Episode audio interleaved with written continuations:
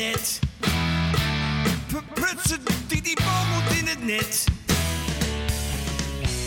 Welkom bij week 9 van de podcastserie De AFC'ers... waarin liefhebbers van de bal het amateurvoetbal vieren... door voor te lezen uit het Nederlandse oervoetbalboek... geschreven door J.B. Schuil in 1915. Elke week trakteren we je op twee hoofdstukken. Hoofdstuk 18 wordt voorgelezen door Reda Garcious. Hij is naast leraar en jeugdtrainer... helaas niet meer de trefzekere spits van Telstar... maar van Sparta. Zijn AFC? SV Diemen. Maar we trappen vandaag af met hoofdstuk 17 door Gerard van der Lem. Hij is voormalig trainer en de rechterhand van Louis van Gaal bij Ajax en Barcelona. En een prachtige aanvaller was hij ooit, van onder meer Feyenoord, Utrecht, Rode JC en FC Amsterdam. Zijn AFC? Zeeburgia, uit Amsterdam. Tante Santje komt op het tapijt. Het duurde die avond heel lang voordat Eddy kon inslapen. Het stuk in het dagblad, het briefje van Kitty, de lof van Manus, de kapper van zijn vader, AFC 5, Grubbers en Kaspers, het dwarrelde alles tegelijk door zijn hoofd. En daarbij kwam zijn angst voor het rapport dat hij morgen kreeg. Oh, als de fluit, de kameel en de pompelmoes hem nu eens genadig behandelden. Eddy was heus niet veel eisend. Hij verlangde volstrekt geen rapport als van Sophie Stoffers. Als ze hem een zesjes gaven, doodgewone, simpele zesjes, dan zou hij al heel erg dankbaar wezen. Maar veel vertrouwen had Eddy er toch niet in. Hij wist wel dat zijn naam op het voetbalveld een veel betere klank had dan in de lokalen van de HBS. De volgende morgen hadden bijna alle jongens van de school een exemplaar van het dagblad bij zich. En Eddy kon niet in een les komen of het artikel van Bob T. werd besproken. Maar de waardering voor het belangrijkste stuk was niet overal hetzelfde. De heer Lasseur, de Franse leraar die erg goed met jongens kon omspringen, vertaalde het in het Frans en zei lachend dat Lomans nu voortaan altijd een cijfertje hoger bij hem op het rapport zou krijgen, omdat hij op AFC de eer van de klas hoog hield. Herr Krüber, de Duitse specialiteit, merkte toen Eddy voor een ogenblik vergat dat het werkwoord danken de derde naamval regeert, hartelijk op. Haarstraubend, haarstraubend. Ach, hätte der Name Lohmans bij mir auch nur einen guten Klang. En de kameel maakte het nog een beetje erger. Hij wachtte niet eens tot Eddy een blunder maakte, maar viel al tegen AFC en Bob T. uit toen Delfoos een beurt liet zitten. Och ja, was het. De heren denken tegenwoordig dat ze er al zijn, wanneer ze als linksbinnen hebben voldaan. Dat staat al in de kranten als ze zelf nog een regel zonder fout op papier kunnen zetten. Is het niet waar, meneer Lomans? Hmm, bromde Eddy en hij vulde dit in zijn gedachten aan met loop naar de maan. Nee, Eddy begreep het wel. Bij de kameel zou AFC nooit op steun hoeven te rekenen. De arme fluit had door het bewuste krantenartikeltje even een heel moeilijk ogenblik. Hij had het natuurlijk niet gelezen. De fluit interesseerde zich alleen maar voor parallelogrammen, driehoeken en parallelopipediums. En hij begreep dan ook niet waarom er zoveel jongens met het dagblad in hun hand zaten. Meneer, meneer, begon Kees. Hebt u het gelezen? Hé? Wat? Wat? vroeg de fluit wantrouwend. Van Eddy Lomans, meneer. Nee, en het interesseert me ook niks. Weg die kranten. Weg die kranten, zei de heer Rijzema zenuwachtig. Hé meneer, toe nou meneer, even lezen meneer, klonk het van alle kanten. Pas op hoor, of ik scheid eruit. Ik scheid eruit, riep, riep de fluit met een harde slag op de lessenaar. Hé meneer, dreinde de hele klas. En Kees zei... Nou meneer, u moet het zelf weten, maar het is erg jammer als u het niet leest. Een jongen uit uw eigen klas. Brummer, pas op, waarschuwde de heer Rijsema. Even was het stil. Toen klonk weer een zeurige stem. Het was Huip Delfors. Mag Kees het even voorlezen, meneer? De heer Rijsema had de onhandigheid om te vragen: Wat nou toch? Het stuk over Eddie Lomans, meneer, zei Henk. Hé, ja, meneer. Alsjeblieft, meneer. Toe, meneer, klonk het weer van alle kanten. En Kees ontvouwde al met een plechtig gebaar de krant. Hier die krant, Brummer, hier die krant, gelaste de heer Rijsema. Kees reikte de krant over en zei met een effen, strak gezicht: Hier staat het, meneer. Oh, st, st, stil, stilte, commandeerde Bram Hezing. Meneer zal het zelf voorlezen. Nu werd het de goedige meneer Rijsema toch al te kras. Ga er maar uit, Hezink. Hé, meneer, spreekte Bram. Hoor je het niet? Jawel, meneer. Nou dan. Ja, ik dacht eh, voor deze ene keer. Maar de fluit bleek voor deze ene keer onvermurbaar. En Bram Hezing viel als slachtoffer van het artikel van Bob T. En nou kranten weg. Anders volgen er meer, riep de heer Rijsema. Toen Bram Hezing verdwenen was. En hij begon over de gelijkvormigheid van driehoeken alsof er niets gebeurd was. Monsieur Lasseur, Herr Kruber, de kameel, ze hadden alle het hunne over het dagbladartikel tegen Eddy gezegd. Alleen de baas ontbrak er nog maar aan. En werkelijk om twaalf uur voegde ook de directeur zich in de rij. Het was op het gewichtige moment waarop de rapporten werden uitgereikt. Eddy zat in spanning zijn lot af te wachten. Erg hoopvol gestemd was hij niet. En hij luisterde met een angstig gemoed naar al de speeches. Die de baas bij elke jongen die met één of meer voldoendes gezegend was afstak. Eddie Lomans. Oh la la, daar zou je het hebben. Ik heb je naam gisteren in de krant gezien, hè? Oh jee, daar had je het al. Hij kreeg een speech. Dan had hij vast en zeker onvoldoendes. Ben jij zo'n voetballer? Nee, meneer, bromde Eddy. Die meende dat de baas dat antwoord het meest welgevallig zou zijn. Wel, jongen, ik heb er niets op tegen. Als je maar maakt dat je werk er niet onder leidt. Het is dit keer wel heel goed geweest. Zorg nu dat het zo blijft. Hé? zuchtte Eddy hoorbaar en hij nam het rapport in ontvangst. Wat? Was dat zijn rapport? Was dat geen vergissing? Nee, waarachtig. Eddie Lohman stond erboven. Het leek wel van Jozef Stoffers. Zeven, zes, zes min, zes, zes, zes. Het hield niet op met de zessen. Goeie genade. Hij wist niet dat hij zo'n klos was. Bij de fluit ook al niks dan zessen. Waar had hij die goedheid aan verdiend? Alleen maar een zesmin van de kameel. Wat was dat? Oh, een aantekening voor onvoldoende flight van de kameel. Dat was zeker voor dat autootje met één O. Nou ja, dat kon hem nou niks meer schelen. Hij had zijn zesje te pakken. Lekker. Nou kreeg hij natuurlijk zijn AFC-kaart terug. Het zong en het jubelde in Eddy. En luidschreeuwend stormde hij vijf minuten later de trap af. Maar toen hij Kees Brummer met een sip gezicht in de vestibule zag staan, hield hij onmiddellijk zijn mond. Hij begreep dat het met Keesje weer mis was. En? vroeg hij dadelijk. Het is weer hommeles, zei Kees. Is het weerachtig? zei Eddy erg teleurgesteld. Vier onvoldoendes, zuchtte Kees. Hé, wat belabberd. Eddy was opeens zijn vrolijke stemming kwijt. En jij? vroeg Kees. Och, het gaat wel. Eddie wou Kees niet duidelijk zeggen dat het zo mooi was. Geen één voldoende? vroeg Kees verbaasd. Nee, alleen een aantekening voor vlijt van de kameel. Dat was het enige slechte dat hij Kees kon aanbieden. Laat eens kijken, zei Kees. Eddie overhandigde hem het rapport. Verdikke me, zei Kees perplex. Je wordt een klos, zeg. Eddie schaamde zich op dat ogenblik een beetje voor zijn rapport tegenover Kees. Maar opeens zag Eddie tot zijn opluchting dat Kees alweer lachte.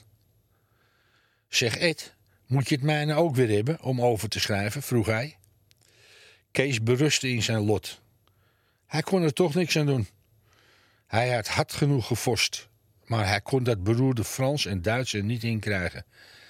En van wiskunde snapte hij ook geen laars. Ach ja, Kees was nu eenmaal geen aanstaande professor. Nou, enfin, zei Kees. Ze moeten thuis maar blij wezen dat ik er nou nog maar vier heb. Dat is tenminste vier minder dan de vorige keer. Het is beter dan dat ik ze heb dan jij. Bij mij kunnen ze er beter tegen en ik zit ook niet in de vijfde zoals jij. En getroost stapte hij met Eddy en Henk, die een prachtrapport had, naar huis. Griet zag het dadelijk aan Eddy dat het dit keer alles botertje tot de boom was. Is het in orde? vroeg zij belangstellend.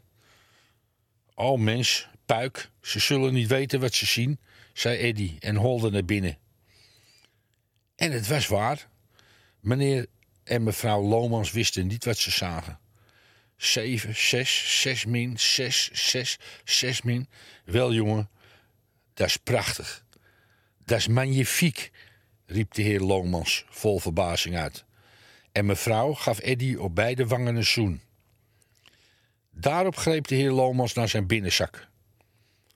Haalde zijn portefeuille tevoorschijn en de bekende vuilgele kaart verscheen. Eddy glunderde van plezier. Toen ging de deur open en... Tante Santje stond hijgend op de drempel met het dagblad in haar hand. Hoe is het met Eddy? vroeg zij, geheel buiten adem. Met Eddy? Ja, wel uitstekend, lachte de heer Lomans. Is hij gewond? hijgde tante Sientje. Gewond? vroegen meneer en mevrouw Lomans tegelijk. Ja, het staat in de krant. O, lieve hemel, wat zal me nou overkomen, dacht Eddy. En hij keek van de vuilgele kaart naar tante Santje. En van tante Santje weer naar de vuilgele kaart. In de krant klonk het weer uit twee monden tegelijk. Ja, bij het voetballen toch? Ben er helemaal van ontdaan. En tante Santje ging zitten op een stoel bij de deur. Eddy wenste zijn tante op dat ogenblik naar de mokerheide. Het was de heer en mevrouw Lomans nog niet recht duidelijk, maar tante Santje ratelde door. Hé, wat een rust dat ik Eddy daar voor me zie. Het zat me bepaald in mijn benen. Ik wist niet wat ik hoorde toen Keetje uit de keuken naar me toe kwam en zei... Juffrouw, heb u het gelezen? Eddie Lomans is zo erg gewond bij het voetbal. Er staat een heel stuk in de krant. Dus niet in de sigarenwinkel van Hille, niet bij de kapper, maar in de keuken door de meid van tante Sontje verraden. Zou je zo'n meid nou niet? Eddie stond dan met zijn rapport of er niets naar vieren in plaats van zes en zeven zat. Nou, stel je gerust, Santje. Het schijnt zo erg niet te wezen, zei meneer Lomans. Waar staat het van dat ongeval? Alsjeblieft, hier. Een voetbalincident, piepte tante. En ze weet, wees het geruchte, beruchte artikel aan. Hé? Een voetbalincident? Oh, zo, oh, zo. Is het dat? Toen las de heer Lomans het stuk van Bob T. Dat Eddie al uit zijn hoofd kende en mevrouw las het met hem mee. Och, och, hadden ze maar nooit over hem in de krant geschreven. Nou zat hij in de ellende. Wat was die Bob T ook begonnen? Heb je nou ooit zoveel herrie meegemaakt om zo'n onneuzel stukje in de krant? Daar stond vader met de krant in de ene en de AFC-kaart in de andere hand. Oh, die ellendige tante Sentje. Eddie kon haar wel van haar stoel afkijken. Hoor ze nou eens zeuren. Ik heb het altijd wel gezegd. Dat nare voetbal ook. De jongens leren op dat voetbalveld niets dan ruwe, rare woorden. Het is het wonder dat er niet meer ongelukken gebeuren. Ik begrijp niet dat jullie hem niet voor goed verbieden. Oh, wat een draak, wat een draak ging er door Eddie's hoofd. Alles liep zo prachtig en dan gooit me die oude totenbel alles in de war. Meneer Lomans had het artikel gelezen tot de beroemde zin... Wij wensen AFC 5 geluk. Ik hoef het jou zeker niet meer voor te lezen, hè, Ed? zei hij. Nee, pa, antwoordde Eddie bijna onhoorbaar. Laat je schouders eens zien, jongen, vroeg mevrouw Lomans bezorgd. Oh, dat heeft niks te betekenen, zei Eddie tegenstribbelend. Maar mevrouw wilde het geblesseerde lichaamsdeel per se zien. Eddie trok zijn jasje uit en de heer en mevrouw Lomans en tante Santje inspecteerden Eddie's schouder. Och, och, hij is helemaal blauw, deinde tante. Ze hadden hem wel kunnen doodgooien. Oh, wat een mens. Het doet niet eens meer pijn, bromde Eddie onverschillig en hij trok zijn jasje weer aan. Eddie wachtte gelaten zijn lot af. Maar plotseling gebeurde er een wonder. Alsjeblieft, jongen, daar is je kaart, zei meneer Lomans opeens. We zullen vandaag maar alles vergeven en vergeten. Tante Santje begreep het niet goed. Ja, Santje, als jij nog eens met zo'n rapport thuiskomt, dan kun je ook een potje bij me breken, lachte de heer Lomans. En hij liet tante Eddie's rapport zien. Nee, maar dat is prachtig, zei tante in extase. En toen gebeurde er een tweede wonder. Tante Santje haalde haar portemonnee tevoorschijn, diepte er een gulden uit en stopte die in Eddie zijn hand. Toch nog niet zo'n kwaad mens, dacht Eddie. Hij wist niet goed hoe hij het had. Zijn AFC-kaart en een gulden. En dat terwijl zijn vader juist het artikel van Bob T. had gelezen. Hoe was het mogelijk? Maar nu moet je me één ding beloven, Eddie. Nooit meer gaan voetballen zonder dat moeder en ik het weten. Beloof je me dat? Eddie keek zijn vader in de ogen. Ja, pa, antwoordde hij op zo'n besliste toon dat de heer Lomans er niet meer aan twijfelde of Eddie zou zijn woord houden. Toen Eddie even later weg was en tante Santje tegen haar broer zei dat ze dat toch onverstandig van hem vond, zei de heer Lomans: Ik weet het niet, Santje, maar ik geloof dat het zo beter is. Als ik de jongen verbied om met zijn vrienden te voetballen, dan maak ik er of een huigelaar of een slome duikelaar van. En ik wil niet dat Eddie een van tweeën wordt. Dan is het maar beter dat hij de kans loopt om eens een trap tegen zijn schenen te krijgen. Ik heb het lang tegengegaan, maar ik kan mijn in mijn eentje niet tegen de stroom oproeien. Als de jongen dan per se wil voetballen, dan moet hij maar voetballen. Als zijn werk op school er niet onder leidt, dan wil ik hem niet meer tegenhouden. Vanaf dat ogenblik hoefde Eddie Lomans niet meer bang te zijn dat hij niet met het vijfde zou kunnen meespelen. 18e hoofdstuk. Die lamme meisjes. Door Reda Garsous. 18e hoofdstuk. Die lamme meisjes. Keesje Brummer was tot twee weken veroordeeld. Het ging de oude heer Brummer eigenlijk wel een beetje aan zijn hart om zijn dikke, gezellige zoon voor zo'n lange tijd van het AFC-terrein te moeten verbannen. Maar hij meende dat hij dit wel verplicht was tegenover de baas. De fluit, de kameel en de pompelmoes. Trouwens, de vorige keer had hij Kees voor 7 vijven en 4 tot een maand veroordeeld. Het was dus rekening kunstig zuiver. En ook niet meer dan billijk. Dat Kees niet twee weken moest brommen? Het zesde. Waarvoor Kees juist de vorige dag officieel was uitgenodigd, moest zijn dikke keeper dus 14 dagen tussen de goalpalen missen. De heer Brummer en Keesje hadden vijf minuten erg sip gekeken. Keesje vanwege het zware vonnis en de oude heer uit puur medelijden met zijn zoon. De heer Brummer kon niet goed hebben dat zijn kinderen verdriet hadden en hij was al van plan om de straf wat te verzachten en er één week van te maken. Minder kon het niet tegenover de kameel, de pompoenmoes en de fluit. Toen hij Kees tot zijn grote vreugde weer zag lachen. Kees dacht aan vieze gezicht dat fluit getrokken had. Toen ze hem het artikel van Bob T. hadden willen laten lezen en de heer Brummer lachte smakelijk mee toen Kees hem in geur en kleur het verhaal deed.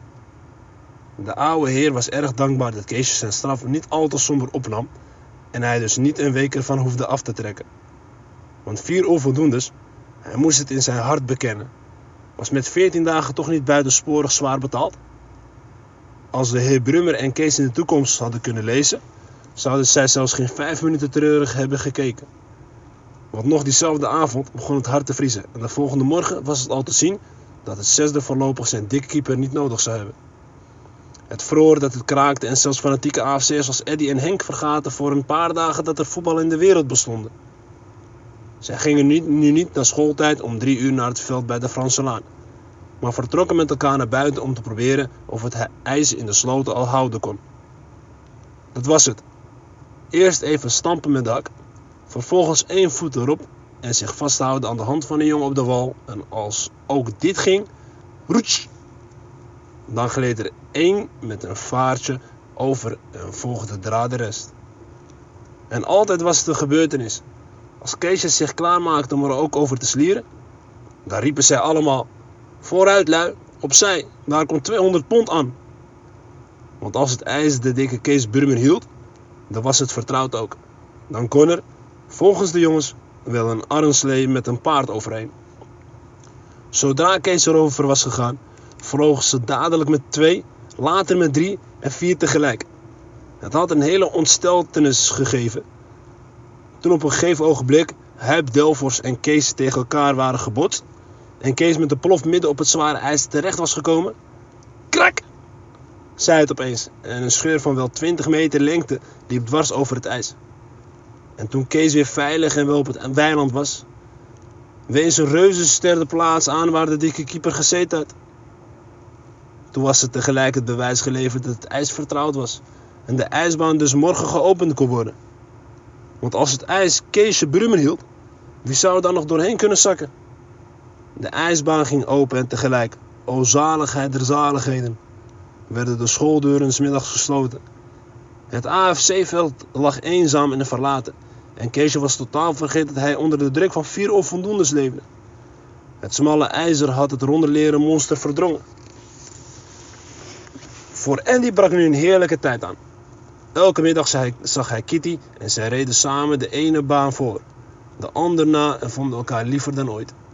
Want zoals er in de ogen van Eddie maar één meisje was, zo was er in de ogen van Kitty maar één jongen. Eddie Lomans. Eén was er echter op de wereld die de verliefderigheid van Eddie op den duur hard begon te vervelen. Dat was zijn boezemvriend, Keesje Brummer. Eddie en Kees waren altijd vrienden geweest. Ze hadden bijna hun hele leven samen gevoetbald, samen gefietst, samen schaatsgereden en samen zo vaak in de benauwdheid gezeten. Nu kwam daar opeens zo'n wild vreemd meisje en boem. Opeens liet Eddie Keesje schieten. Nu ja, ze bleven natuurlijk nog wel vrienden, maar het waren zoals vroeger was het toch niet meer. Het gebeurde nu zelfs dikwijls dat Kees met Tony Hespers en Huip Delfors in plaats van met Eddie naar de ijsbaan ging. Verbeeld je dat je zoiets verleden jaar ooit was gebeurd? Toen waren Eddie en Kees altijd met z'n tweeën. Maar nu? Nee hoor, het was uit, helemaal uit. Nadat Henk verliefd was geworden op Laukie, zag je Henk en Eddie altijd samen met Kitty en de twee meisjes van dieren. Ze gingen met z'n vijven naar de ijsbaan. Ze reden altijd met z'n vijven en ze gingen met z'n vijven weer naar huis. Kees voelde er niets voor om altijd achter die meisjes aan te sjouwen. Nou ja, Kitty was wel aardig, dat kon hij niet ontkennen. Maar die twee van dierentjes? Nee, dat waren nesten. Net als alle andere meisjes. Kees was met hen op de dansles geweest, maar hij moest niks van die nuffen hebben. Kees kon zich niet begrijpen. Wat Henk en Eddie daar nou voor plezier in vonden om altijd met die vervelende meisjes te rijden. En als Kees zo op zijn eentje of met andere jongens op de ijsbaan reed, en hij dan Eddie met Kitty en Henk met Laukie voorbij zag gaan, dan had hij soms even het land dat hij nieuwe buren had gekregen. Want Kees was zo'n trouwe vriend, dat hij zich niet kon begrijpen dat Eddie hem voor een meisje liet schieten. Nee, zoiets zou hij zelf nooit hebben gedaan. Voor geen honderdduizend meisjes, dat wist hij zeker. En Finn, Eddie moest het zelf maar weten. Als hij maar niet met die nuffel hoefde te rijden, dan was het hem goed. Wanneer het met het ijs gedaan was, dan zou het gezeur met die lamme meisjes vanzelf uitwezen. Dan zouden Eddie en Henk wel weer bij Kees komen. Maar op een vrijdagavond werd Kees voor een heel moeilijk geval geplaatst. Het had de laatste dagen zo hard gevroren dat de kanalen en vaarten dicht lagen, zodat er overal buiten de stad werd gereden. Kees voelde veel voor om eens een grote tocht te maken, maar hij wist niet wie hij moest vragen. Vroeger ging hij altijd met Eddie, daar reden zij samen aan een stok. Maar nu was daar natuurlijk geen sprake van. Eddie en Henk zouden niet aan denken om met hem mee te gaan. Met Hype Delfors en Tony Hespers dan? Die kwakkelde altijd zo. Daar kwam je helemaal niet vooruit. Nee, daar was ook geen aardigheid aan. Piet Vlier en Hein van Drum treden goed. Maar Kees voelde niets voor om met Piet en de Haak een ijstocht te maken. Hij kon die opscheppers niet goed uitstaan. Vooral niet nadat ze tegen Eddy na de match tegen de trappers zo misselijk waren opgetreden. Nee, hij zou dan maar weer op de ijsbaan alleen rijden. Er zouden wel lui genoeg te vinden zijn die geen tocht mochten maken en dus ook op de ijsbaan bleven. Zo dacht Kees toen Eddy en Henk s'avonds bij hem kwamen. Zeg Kees, vroeg Eddy dadelijk, ga je morgen mee? Een tocht maken naar Gravenland? Kees was onmiddellijk bereid. Eindelijk was het gemier met die lamme meisje dus uit en zou hij weer aan zijn vrienden krijgen. Wie gaan er meer mee? vroeg Kees. Nou, Bram Heesink en jij en wij, antwoordde Eddy. Oh, dat is fijn, riep Kees. Hij stelde er zich allemachtig veel, veel voor. En dan? Nog meer lui? Prachtig. Hoe meer zullen, hoe meer vreugd. Eh, Kitty en eh Wies Borger. En Greent en Laukie natuurlijk, vulde Henk aan. Oh, gaan die ook mee? Het was heel goed te merken dat Kees dat maar half vond. Ja, wat dacht je dan? vroeg Henk. Nou, ik dacht dat we onder elkaar gingen. Alleen jongens natuurlijk, antwoordde Kees. Nee, dat is er geen aardigheid aan, zei Eddy. Geen aardigheid aan? Om met jongens een tocht te maken? Hoe was het mogelijk dat Eddy het zeggen kon? Wat was die kerel in een paar weken veranderd? En Kees zei dan ook eerlijk. Dat zou je verleden jaar ook niet gezegd hebben. Nee, natuurlijk niet. Toen was ik ook niet verliefd, bekende Eddy gulweg. Hé, hey, die beroerde verliefdheid ook. Wat had je nou aan je vrienden? Kees voelde niets voor om met die vier meisjes een tocht te gaan maken. Hij begreep heel goed waarom Eddy en Henk bij hem kwamen. Eddy reed met Kitty, Henk met Laukie en Bram Heesing met Wiesborger. Nu zaten ze met Greet in hun maag en die mocht hij nou op sleeptouw nemen. Nee, Kees paste ervoor. Hij moest er niets van hebben. Och nee, zei Kees. Wat moet ik dan meedoen? Ik heb toch geen meisje? Jawel, offereerde Henk dadelijk. Jij mag Greet van dieren hebben. Nou, die mag je gerust houden. Dat is me ook een plezier. Dan zou ik de hele dag het vervelende schaap moeten trekken, zei Kees niet erg galant. Nou, niet altijd hoor. Ze kan ook best eens alleen rijden, meende Eddy. Dan komt ze helemaal niet vooruit, zei Kees. Nee, Kees voelde er totalitair niets voor om met die nesten te gaan rijden. Maar toen deed Eddy opeens een beroep op hun vriendschap. Als jij niet meegaat, dan gaan wij ook niet. Want wij kunnen Grin natuurlijk niet thuis laten. Toe Kees, ga nou maar mee om onze plezier te doen, drong Eddy aan. Kees was al half gewonnen. Ik zou het voor jou toch ook doen? Jawel, Eddy, had mooi praten. Kees zou immers nooit met zoiets aankomen zitten. Maar dat was waar. Je moest wat voor elkaar over hebben. Er was wel een kaantje, maar die Enfin, hij zou die nuf dan morgen wel trekken. Eddie en Henk waren in de wolken. Zij wisten wel dat Kees mee zou gaan en Henk verzekerde hem bij herhaling dat Kees erg mee zou vallen. Je zult zien, jij wordt ook nog verliefd. In geen honderd jaar, riep Kees vol overtuiging. Nou, dat moest Kees zelf weten, als hij maar niet meeging. En de twee vrienden namen afscheid en telefoneerden dadelijk aan Greet dat, dat Kees haar cavalier zou zijn. Oh, dol, heerlijk, zalig, riep Gerrit door de telefoon. En tegen Laukie zei ze dat Kees Brummer toch wel een leuke moppige jongen vond. Kees zat eraan. Hij had het beloofd, hij moest dus mee. Och, och, de hele middag met die Greet van dieren rijden. Het was een pleziertje wel. Hij vond haar vroeg op de dansles gewoon weg gaan spoken. En ze reed nou. Het leek wel erwtensoep. Maar zijn part dooide het vannacht 10 graden. Als het dan morgenavond maar weer opvroor. Want dan zondag had hij niets voor over. Toen Kees even later in de huiskamer vertelde dat hij een grote tocht met meisjes zou gaan maken, barstte de hele familie in lachen uit. Kees met de meisjes rijden? Dat was al te mal. En Kees moest er zelf ook om lachen. Ze hadden gelijk. Het was gewoonweg bespottelijk. En zodra Kees brommend had verteld dat hij met Greet van Dieren moest rijden, proestte zij het helemaal weer uit. Jongen, jongen, Kees, pas op je hart hoor, lachte de heer Brummer. Laat je niet inpalmen, spotte zijn broer Gerrit. Morgenmiddag is Kees verloofd, giechelde Mies. Op je test, antwoordde Kees. Je moet je zondagpak aantrekken, Kees. En je nieuwe dasje.